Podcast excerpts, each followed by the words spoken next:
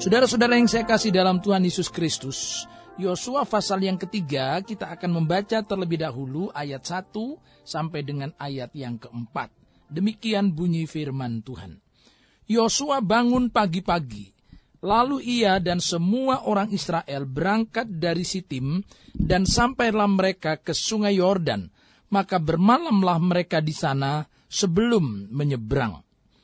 Setelah lewat tiga hari, para pengatur pasukan menjalani seluruh perkemahan dan memberi perintah kepada bangsa itu katanya, segera sesudah kamu melihat tabut perjanjian Tuhan Allahmu yang diangkat para imam yang memang suku Lewi, maka kamu harus juga berangkat dari tempatmu dan mengikutinya hanya antara kamu dan tabut itu harus ada jarak kira-kira 2000 hasta panjangnya. Janganlah mendekatinya. Maksudnya supaya kamu mengetahui jalan yang harus kamu tempuh sebab jalan itu belum pernah kamu lalui dahulu. Saudara-saudara yang saya kasihi di dalam Tuhan Yesus Kristus, Yosua pasal 3 menceritakan tentang keberadaan umat Tuhan yang segera akan menyeberangi sungai Yarden. Mereka masuk dari arah sebelah timur dan mereka harus mas menyeberangi sungai Yarden sebelum masuk ke tanah perjanjian.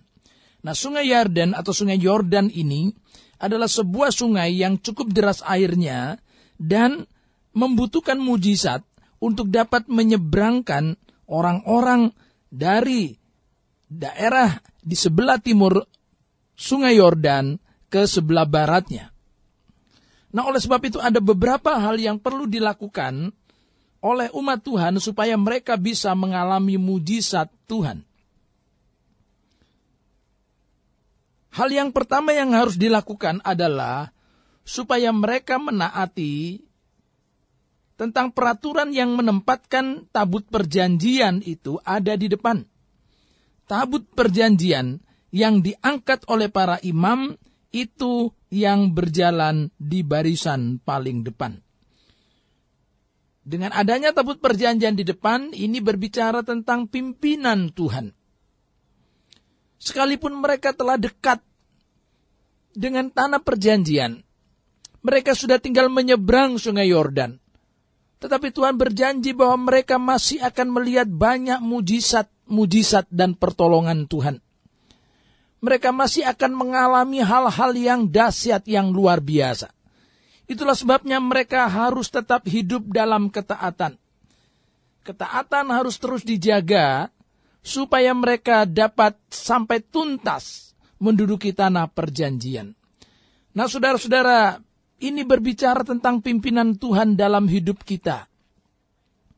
Banyak kali kita merasa saya sudah taat kepada Tuhan, tetapi itu di waktu-waktu yang lalu.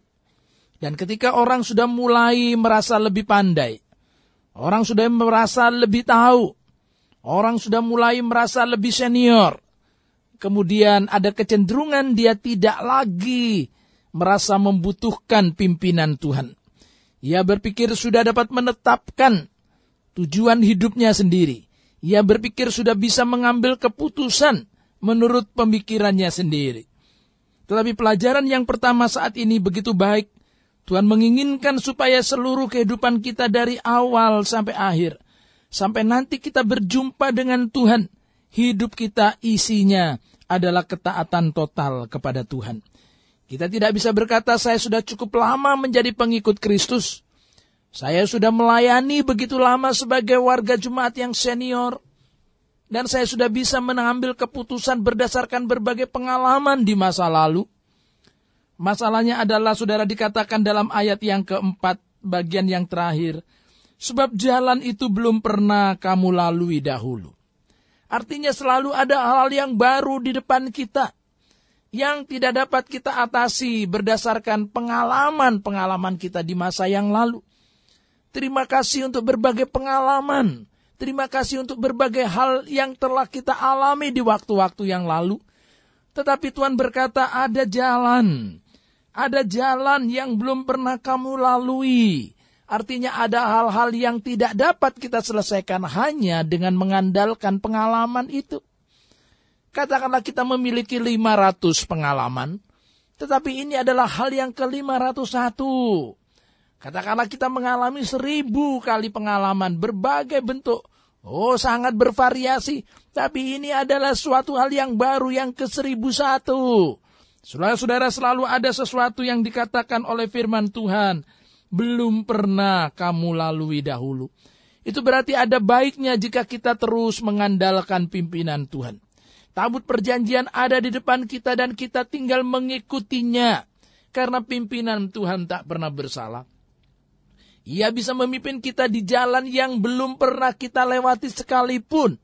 Karena Tuhan tahu tentang jalan itu. Kita sendiri belum tahu tentang jalan itu. Kita sendiri belum bisa tahu apa yang akan terjadi bahkan satu jam kemudian dari sekarang. Tetapi Tuhan sudah mengetahuinya. Sehingga ketaatan kepada Tuhan justru membawa kita, memberikan kepada kita perlindungan, pertolongan, bimbingan supaya kita tidak jatuh supaya kita tidak keliru, supaya kita tidak tersesat, supaya kita tidak terjebak dalam hal-hal yang justru bisa mencelakai kita. Pelajaran yang pertama saat ini adalah mari kita taati pimpinan Tuhan. Meletakkan tabut perjanjian di depan kita. Ke mana Tuhan memimpin kita melalui firman-Nya kita akan tetap menaatinya. Sekalipun kita sudah senior, sudah cukup lama mengikut Tuhan, kita sudah termasuk orang-orang yang di, disebut sebagai orang-orang yang yang berpengalaman di dalam Kristus, tetapi kita masih membutuhkan pimpinan Tuhan. Nah selanjutnya, pelajaran yang kedua mari kita lihat ayat 5 dan ayat yang ke-6. Berkatalah Yosua kepada bangsa itu, Kuduskanlah dirimu, Sebab besok Tuhan akan melakukan perbuatan yang ajaib di antara kamu. Dan kepada para imam itu Yosua berkata demikian, Angkatlah tabut perjanjian dan menyeberanglah di depan bangsa itu. Maka mereka mengangkat tabut perjanjian dan berjalan di depan bangsa itu. Saudara-saudara yang saya kasih dalam Tuhan Yesus Kristus, kuduskanlah dirimu Sebab besok Tuhan akan melakukan perbuatan yang ajaib di antara kamu. Nah, saudara-saudara kita melihat di sini ada dua kata yang penting, yaitu kata kuduskan, kekudusan, dan kata perbuatan ajaib. Kekudusan dan perbuatan ajaib. Kekudusan dan mujizat. Kekudusan dan keajaiban. Saudara-saudara ini adalah pelajaran yang sangat penting yaitu adanya keseimbangan. Berbicara tentang keseimbangan antara kekudusan yaitu karakter dan perbuatan ajaib yaitu karisma. Antara karakter dan karisma. Antara saudara buah roh dan karunia roh. Antara saudara-saudara kehidupan yang meneladani karakter Kristus dan kehidupan yang mengalami kuasa di dalam nama Tuhan Yesus Kristus. Dua-duanya ini penting. Dan bahkan dikatakan, kuduskanlah dirimu sebab besok Tuhan akan melakukan perbuatan yang ajaib. Dengan kata lain karakter, saudara-saudara, menjadi syarat untuk terjadinya karisma. Karakter mendahului karisma. Kekudusan mendahului perbuatan ajaib perbuatan ajaib, mujizat akan terjadi, akan kita alami, tetapi umat Tuhan harus terlebih dahulu menguduskan dirinya. Nah, saudara-saudara, sering kali kita hanya menginginkan perbuatan ajaib. Kita selalu menginginkan mujizat terjadi dalam hidup kita, tetapi kita tidak mau hidup dalam kekudusan. Kita tidak mau hidup dalam kebenaran. Kita tidak mau hidup di dalam kerendahan hati. Kita tidak mau hidup dalam berbagai jenis rasa buah roh yang ada di dalam Galatia pasal yang kelima ayat 22 dan 23. Saudara-saudara kekudusan menjadi syarat terjadinya mujizat. Oleh sebab itu mari kita juga akan menyesuaikan. Kita akan saudara-saudara menaati perintah Tuhan ini kita akan mencocokkan diri kita dengan kebenaran firman. Yaitu mari kita terus hidup dalam kekudusan. Supaya kita mengalami mujizat Tuhan. Mungkin ada di antara kita yang berkata, Pak, ada orang-orang yang kehidupannya tidak benar, kehidupannya tidak kudus, toh dia mengalami mujizat, toh dia dapat melakukan mujizat. Saudara-saudara, mungkin saja bisa terjadi semacam itu, tetapi mujizat yang dimaksud tentu bukan dari Tuhan. Karena bagaimana Tuhan yang kudus bisa bekerja menyatakan mujizatnya melalui orang yang tidak kudus. Orang itu tidak akan dapat lagi menjadi saluran daripada mujizat Allah. Itu berarti kemampuan itu bisa datang dari dirinya sendiri. Bahkan tidak mustahil kalau kemampuannya lalu datang dari kuasa kegelapan. Karena kuasa kegelapan pun dalam batas-batas tertentu dapat melakukan mujizat.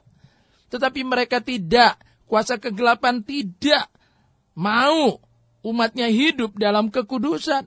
Ia lebih menyukai kecemaran. Ia lebih menyukai kenajisan. Sementara Tuhan adalah Allah yang kudus. Oleh sebab itu dua hal ini, kekudusan dan alami kuasa mujizat Tuhan adalah dua hal yang perlu kita perhatikan. Dan di zaman sekarang di mana kita hidup, berbicara tentang kekudusan nampaknya sudah mulai merupakan satu hal yang langka. Di mana-mana kita lihat kemaksiatan, di mana-mana kita dengar perselingkuhan, dan sebenarnya yang ikut membentuk hal-hal seperti itu adalah media Media saudara-saudara telah mengajarkan sesuatu yang keliru kepada masyarakat. Media telah menjadi alat daripada kuasa kegelapan. Demi hanya keuntungan semata-mata, demi hanya meraup keuntungan semata-mata, media telah tega mengorbankan masyarakat, tega mengorbankan anak-anak, tega mengorbankan generasi muda, sehingga lalu mereka tidak memandang lagi arti daripada kekudusan. Perhatikan bagaimana bintang-bintang film Hollywood, bagaimana saudara bintang-bintang film yang ada di negara kita juga sangat mengentengkan tentang masalah kekudusan. Padahal ini adalah sifat Tuhan. Sekali lagi saudara-saudara saya mengajak kita untuk membuka bagian Alkitab di dalam surat Petrus. Mari kita lihat apakah yang diinginkan oleh Tuhan. Di dalam surat 1 Petrus pasal yang pertama, 1 Petrus pasal yang pertama ayat yang ke-14 sampai dengan ayat yang ke-16. Demikian bunyi firman Tuhan. Hiduplah sebagai anak-anak yang taat dan jangan turuti hawa nafsu yang menguasai kamu pada waktu kebodohanmu. Tetapi hendaklah kamu menjadi kudus di dalam seluruh hidupmu, sama seperti dia yang kudus yang telah memanggil kamu. Sebab ada tertulis, kuduslah kamu sebab aku kudus.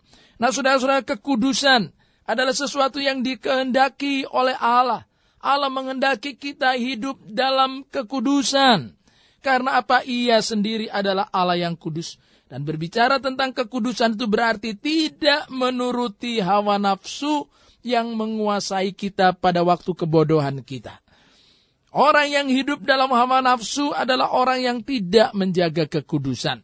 Tapi orang yang hidup dalam ketaatan dan pengendalian diri, itu yang hidup dalam kekudusan. Itu berarti bahwa kekudusan merupakan saudara kata lain dari sifat yang kesembilan buah roh, yaitu pengendalian diri. Orang yang mengendalikan diri, dia mampu mengendalikan hawa nafsu oleh pertolongan roh kudus, sehingga tidak terus-menerus hidup dalam kecemaran. Nah, saudara-saudara yang saya kasih dalam Tuhan Yesus Kristus, kekudusan berbicara tentang dua hal. Yang pertama yaitu kekudusan secara status. Allah telah menguduskan kita. Oleh karena pengorbanan Yesus Kristus anaknya yang tunggal di kayu salib Golgota itu. Darahnya telah menebus kita. Darahnya telah menguduskan kita. Terjadi apa yang disebut dengan sanctification pengudusan. Bukan hanya redemption, yaitu penebusan, tetapi juga pengudusan. Kata kudus berarti dipisahkan secara khusus. Kita tidak lagi tercemar, kita tidak lagi terkontaminasi, kita tidak lagi terpolusi oleh saudara-saudara dosa. Tetapi kita terus menjaga kekudusan itu. Dan ini adalah bagian yang kedua, yaitu kekudusan secara proses.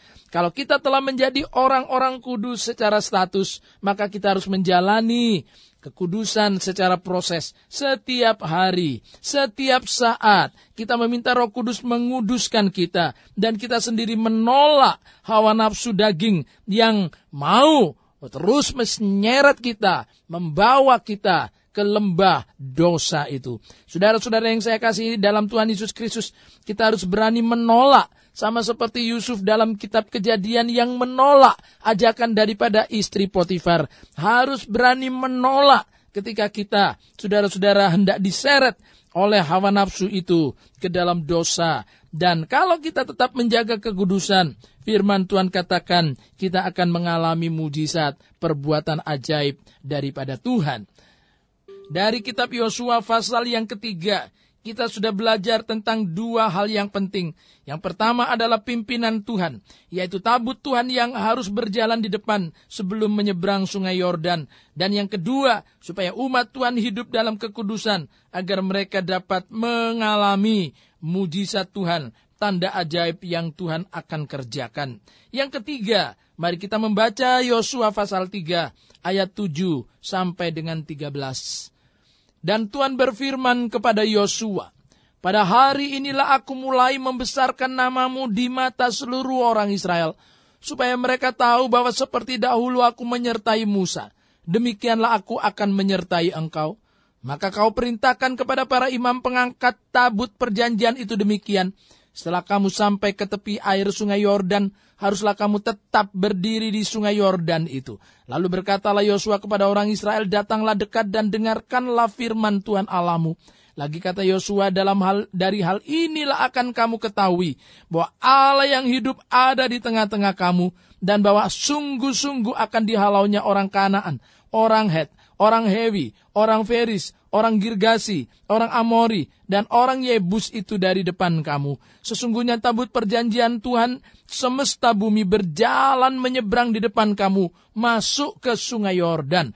Maka sekarang pilihlah dua belas orang dari suku-suku Israel, seorang dari tiap-tiap suku. Segera sesudah kaki para imam pengangkat tabut Tuhan, Tuhan semesta bumi, berhenti di dalam air sungai Yordan, maka air sungai Yordan itu akan terputus, air yang turun dari hulu akan berhenti mengalir menjadi bendungan. Nah, saudara-saudara, pelajaran yang ketiga disebutkan di situ bahwa Tuhan yang hidup ada di tengah-tengah kamu. Allah yang hidup ada di tengah-tengah kamu. Yosua pasal 3 ayat 10 dengan jelas menyatakan Allah yang hidup ada di tengah-tengah umatnya. Lalu apakah dampak daripada kehadiran Allah? Apakah akibat daripada kehadiran Allah?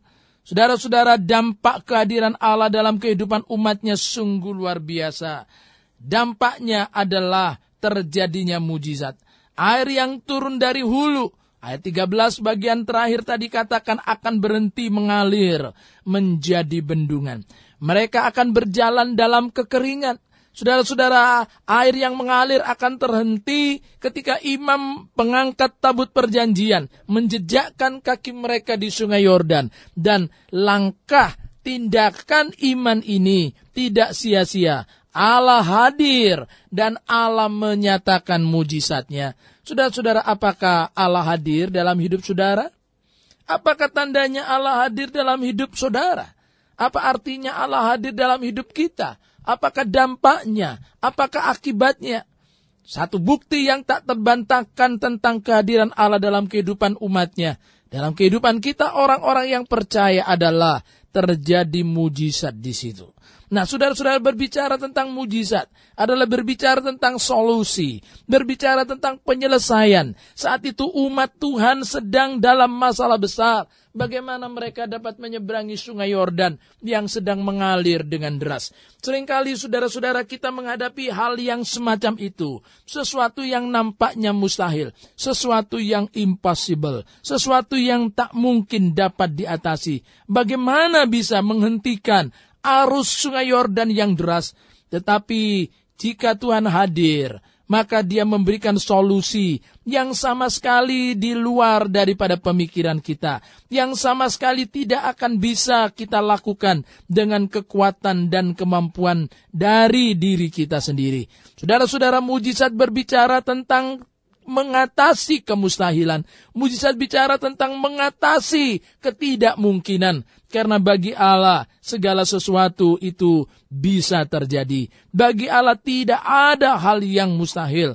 Nah oleh sebab itu ketika kita menginginkan, kita merindukan, kita saudara sungguh-sungguh mengharapkan terjadinya mujizat dalam hidup kita.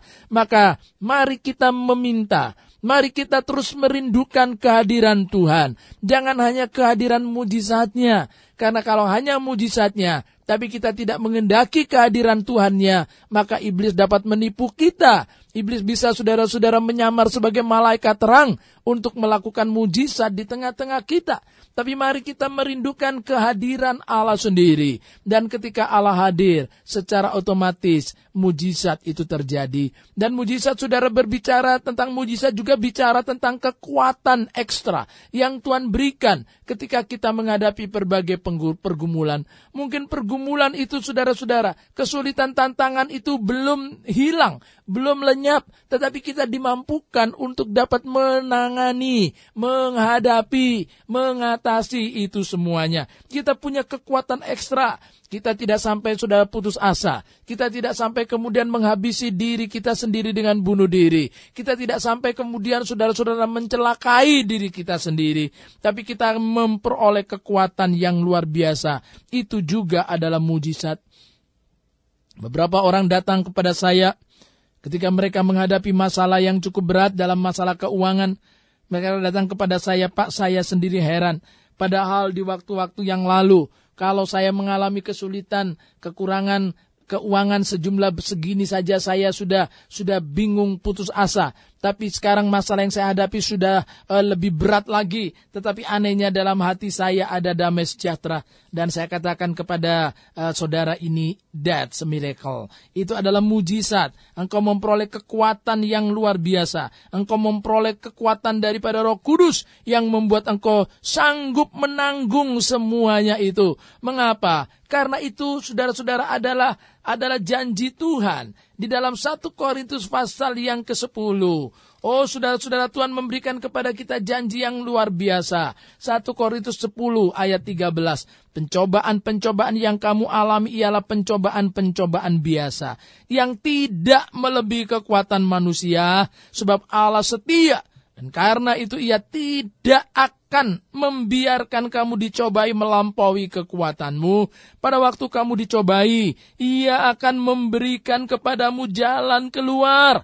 Sehingga kamu dapat menanggungnya. Seringkali saudara-saudara kita uh, lebih senang kepada istilah jalan keluar jalan keluar. Apa itu jalan keluar? Oh masalahnya hilang. Oh masalahnya lenyap. Oh kesulitannya tidak ada lagi. Oh tunggu dulu saudara-saudara. Kalimat ini tidak berhenti pada waktu kamu dicobai. Ia akan memberikan kepadamu jalan keluar titik. Kalimat ini berbicara pada waktu kamu dicobai. Ia akan memberikan kepadamu jalan keluar. Sehingga kamu dapat menanggungnya itu berarti dapat menanggung, kita kuat mengalami berbagai pergumulan itu, itu juga adalah jalan keluar. Itu adalah solusi. Dan sementara proses sedang berjalan, kita saudara-saudara sedang memperoleh satu jalan keluar daripada Tuhan kita menanggungnya dan sesudah Tuhan menganggap kita selesai dalam dalam hal itu maka saudara-saudara ia barulah membebaskan kita dari segala pergumulan tantangan itu.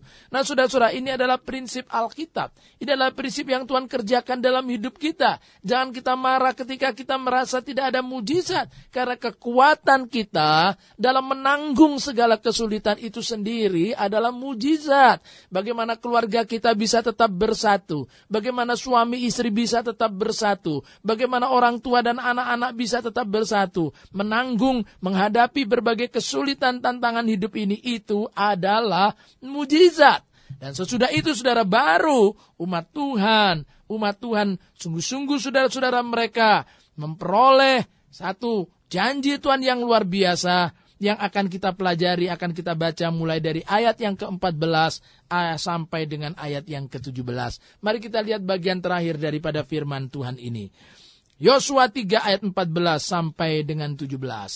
Ketika bangsa itu berangkat dari tempat perkemahan mereka untuk menyeberangi sungai Yordan, para imam pengangkat tabut perjanjian itu berjalan di depan bangsa itu. Segera sesudah para pengangkat tabut itu sampai ke sungai Yordan dan para imam pengangkat tabut itu mencelupkan kakinya ke dalam air di tepi sungai itu, sungai Yordan itu sebak sampai meluap sepanjang tepinya selama musim menuai. Maka berhentilah air itu mengalir. Air yang turun dari hulu melonjak menjadi bendungan. Jauh sekali di dekat Adam, kota yang terletak di sebelah Sartan. Sedang air yang turun ke Laut Araba itu, yakni Laut Asin terputus sama sekali. Lalu menyeberanglah bangsa itu di tentangan Yeriko. Tetapi para imam pengangkat tabut perjanjian Tuhan itu tetap berdiri di tanah yang kering, di tengah-tengah sungai Yordan. Sedang seluruh bangsa Israel menyeberang di tanah yang kering sampai seluruh bangsa itu selesai menyeberangi sungai Yordan. Saudara-saudara ini adalah sesuatu yang luar biasa. Bagi Allah tidak ada yang mustahil. Ini menegaskan kembali apa yang tadi telah kita baca Ketika Allah hadir di tengah-tengah umatnya, sungguh mujizat terjadi. Mujizat ada dua macam. Yang pertama adalah kekuatan kita untuk menanggungnya. Dan yang kedua adalah solusi kita dibebaskan dari segala tantangan itu. Dan umat Tuhan sudah-sudah berjalan dalam kekeringan. Sungai Yordan tidak membahayakan mereka. Ini sesuai dengan janji Tuhan di dalam kitab Nabi Yesaya pasal yang ke-43. Yesaya pasal yang ke-43 ayat yang pertama sampai dengan ayat yang kedua. Demikian bunyi firman Tuhan. Tetapi sekarang beginilah firman Tuhan yang menciptakan engkau hai Yakub yang membentuk engkau, hai Israel. Janganlah takut sebab aku telah menebus engkau. Aku telah memanggil engkau dengan namamu. Engkau ini kepunyaanku. Apabila engkau menyeberang melalui air, aku akan menyertai engkau. Atau melalui sungai-sungai, engkau tidak akan dihanyutkan. Apabila engkau berjalan melalui api, engkau tidak akan dihanguskan dan nyala api tidak akan membakar engkau. Saudara-saudara pegang janji Tuhan ini. Jika kita menyeberang melalui air yang arusnya deras, Oh Tuhan menyertai kita dan sungai-sungai. Oh tidak akan menghanyutkan kita. Api-api tidak akan menghanguskan kita. Nah itu berarti Tuhan berjanji menyertai saudara dan saya menghadapi berbagai tantangan dalam hidup ini. Bersama dengan Tuhan kita bisa mengatasinya. Jangan putus asa. Datang kepada Tuhan. Serahkan segala beban masalah saudara. Tuhan Yesus berkata, marilah kepadaku. Hai kamu yang letih, lesu, dan ber, berban berat. Aku akan memberi kelegaan kepadamu. Hanya Yesus yang dapat memberikan kepada kita kelegaan. Jangan datang kepada kuasa-kuasa kegelapan yang justru saudara-saudara mungkin kita diiming-imingi, kita ditawari, sudah semacam solusi. Tapi sebenarnya di balik itu yang tidak meram, mengambil kita, mengambil nyawa kita. Karena iblis adalah pencuri yang selalu ingin mencuri, membunuh, membinasakan. Sementara Tuhan Yesus Kristus adalah gembala yang baik dan gembala itu datang bagi kita. Ia datang di tengah-tengah hidup kita, memberikan kepada hidup, hidup yang berkelimpahan. Tetaplah berpegang kepada iman di dalam Tuhan Yesus Kristus. Letakkan segala beban masalah saudara, sederas apa pun sungai Yordan yang sedang, oh mengancam saudara, percayalah Tuhan menyertai kita. Tuhan hadir dalam hidup kita. Uduskan diri saudara. Hindari, lepaskan diri saudara dari segala dosa. Jika ada yang sudah berdosa, bertobatlah. Minta pengampunan daripada Tuhan. Dan ketika kita hidup dalam kekudusan, kita dikuduskan oleh Tuhan, maka kita alami mujizat. Baik itu kekuatan dalam menanggung segala beban, maupun sampai kepada solusi yang tuntas. Karena Tuhan yang menyertai kita adalah Allah yang dahsyat. Tuhan memberkati kita sekalian. Amin. Mari kita berdoa. Terima kasih Bapa. Dari Yosua pasal 3 kami telah belajar beberapa hal yang penting pada hari ini. Yang pertama kami mau taati pimpinan Tuhan. Kami mau terus taati ke mana Tuhan melangkah kami akan ikuti. Dan kami juga mau tetap hidup dalam kekudusan. Supaya kami mengalami mujizatmu. Dan kami mau mengalami kehadiran Tuhan. Sebab hanya ketika Tuhan hadir di tengah-tengah kehidupan kami. Keluarga kami, tempat bisnis kami. Maka kami mengalami mujizat. Dan mujizat yang kami alami adalah adalah mujizat yang luar biasa. Sesuatu yang belum pernah Tuhan. Oh kami mengerti, kami mampu pahami. Engkau telah menyatakannya itu kepada kami. Janjimu itu iya dan amin. Di dalam nama Tuhan Yesus Kristus kami berdoa dan mengucap syukur. Haleluya. Amin.